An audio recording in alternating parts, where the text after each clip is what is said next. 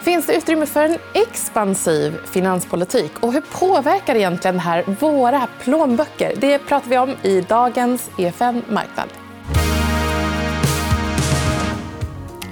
Ja, men I den senaste konjunkturrapporten från Handelsbanken så eh, pratar ni om att eh, det finns utrymme för en expansiv finanspolitik. Vi har med oss Kristina Nyman, eh, chefsekonom på Handelsbanken för att kommentera den här datan. Vad säger du om, om det där utrymmet? Ja, nej, men det som regeringen då har presenterat nu är ju en budget som eh, är mer eller mindre neutral, kan man nog säga. Så som man, så man brukar beteckna det här. Det är varken stimulerande eller speciellt åtstramande. Eh, och det är ju absolut någonting som man kan tycka är motiverat mot bakgrund av att vi har så hög inflation. Men det finns trots allt saker man kan göra som inte är inflationsdrivande. Och det är ju så att eh, statens finanser är urstarka. Vi har fått in mycket skatteinkomster från en hög sysselsättning och statsskulden är väldigt låg. Så att, eh, jag tycker att det finns utrymme att göra mer. Man ska däremot inte göra liksom generella stöd till, till alla mer eller mindre eller inkomststöd. För att då höjer man ju liksom konsumtion och efterfrågan och, och det kan ju driva på inflationen. Men det finns ju annat man kan göra. Vad kan man göra?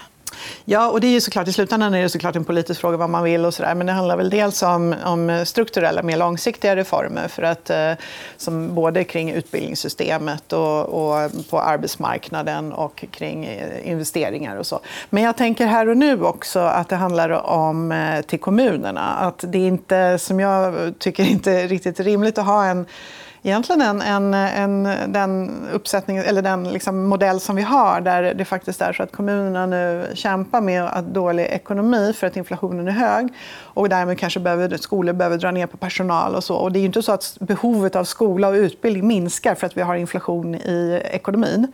Och det är ju samtidigt så som sagt att vi har starka finanser. Så att jag tycker att är, man borde ha en modell där man kan upprätthålla välfärden oberoende av den här typen av konjunktursvängningar. Så mer pengar dit. Och det är väl en ganska eh, liksom, eh, traditionellt hanterande av tuffare ekonomiska tider att man satsar på att vidga ut den offentliga sektorn?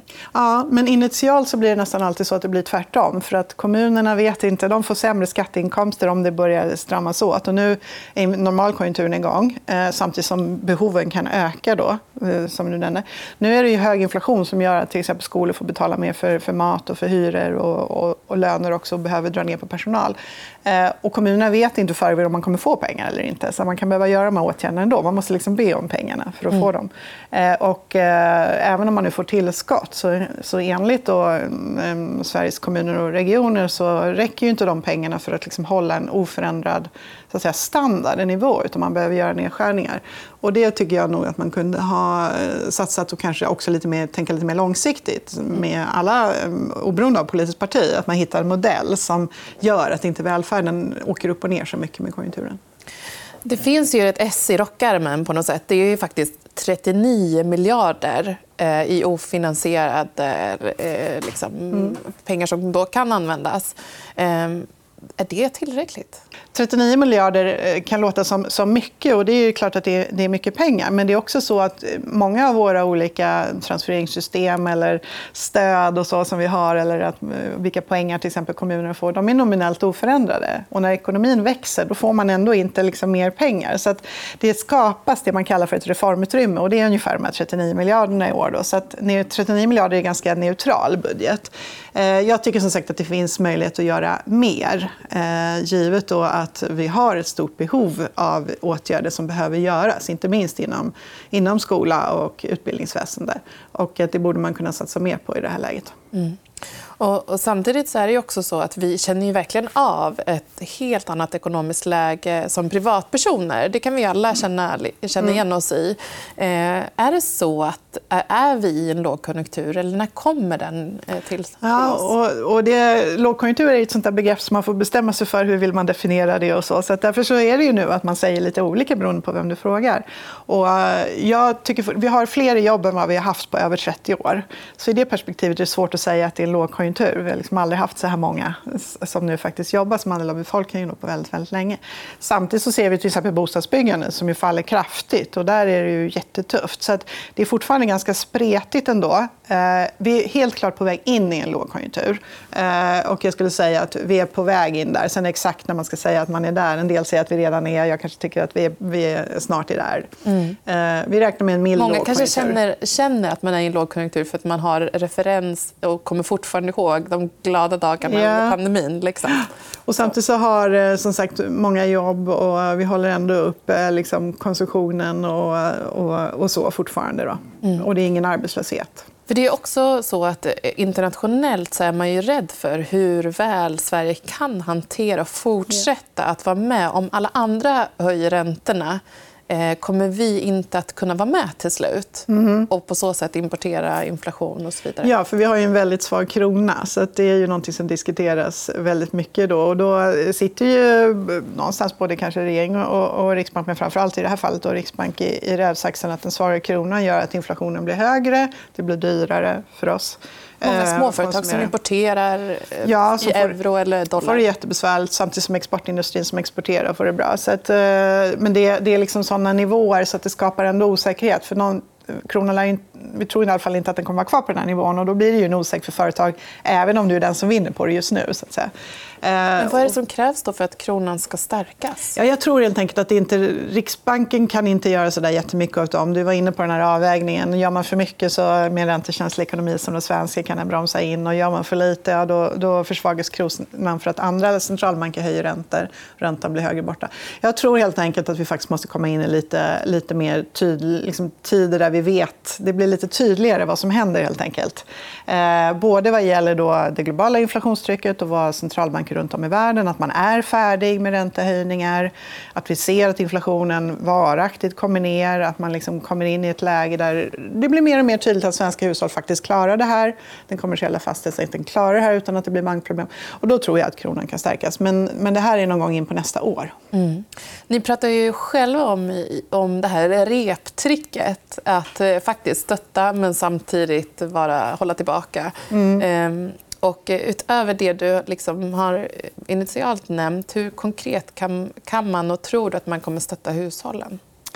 Nej, men jag tror inte att det finns så där jättemycket mer man... Eh, eller, eller vad jag tror att regeringen gör så är det inga speciella satsningar på, på svaga hushåll just nu. Utan det som är är ju skattesänkningar. Det är bredare då, så det är ju någon form av, av support såklart.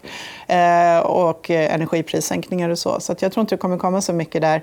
Eh, det som är viktigast nu tror jag för, faktiskt för att lyckas med det här reptricket det är att vi får ner inflationen.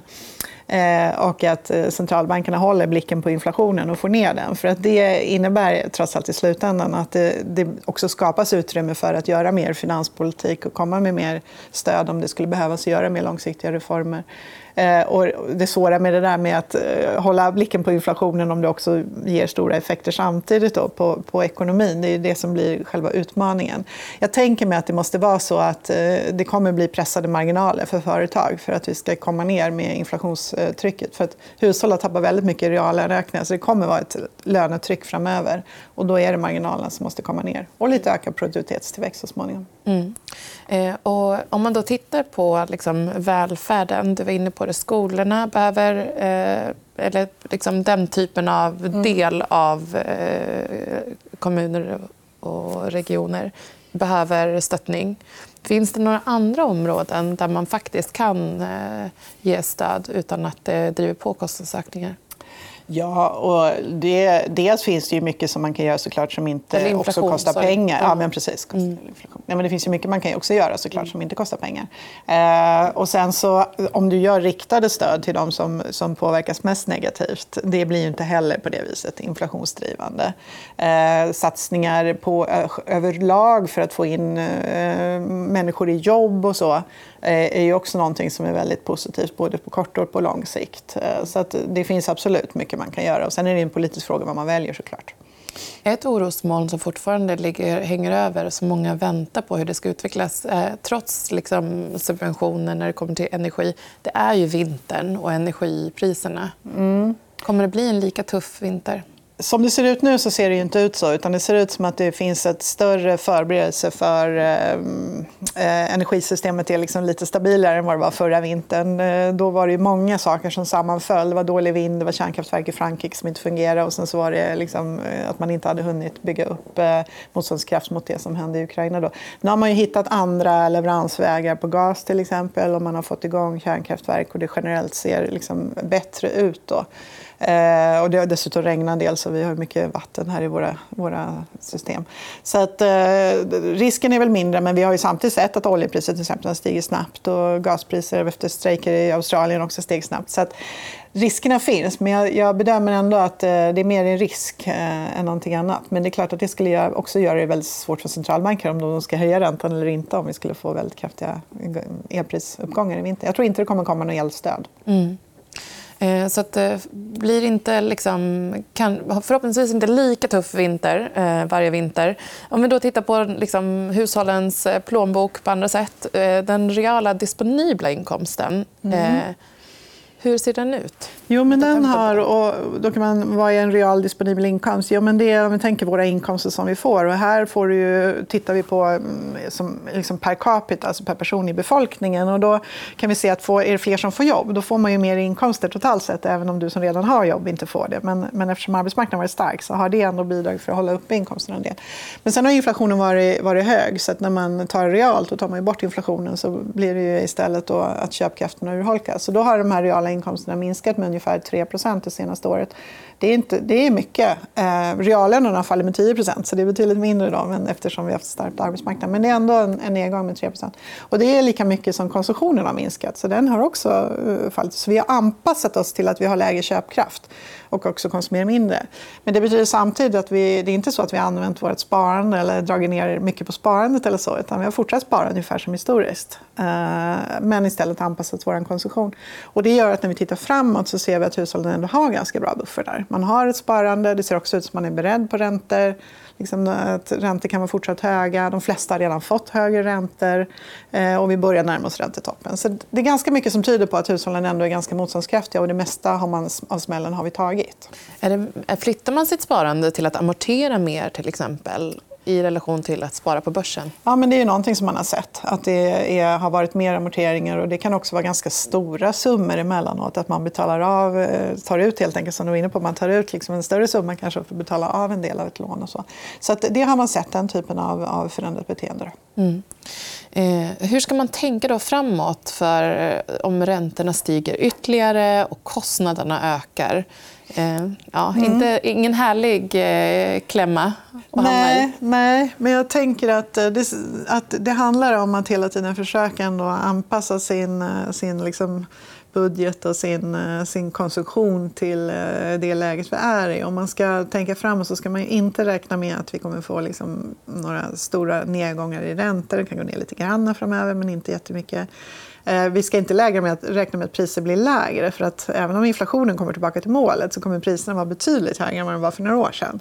Det betyder bara att de inte fortsätter öka lika snabbt. Så det handlar trots allt någonstans om att man behöver anpassa sin, sin, sitt beteende lite grann och sin, vad man konsumerar helt enkelt. Det kommer att kosta mer att bo och du får lägga lite mindre på annat. Och under hur lång tid? Nej, men det här kan ta lång tid innan, innan det kommer tillbaka till samma nivå som det var innan. Mm.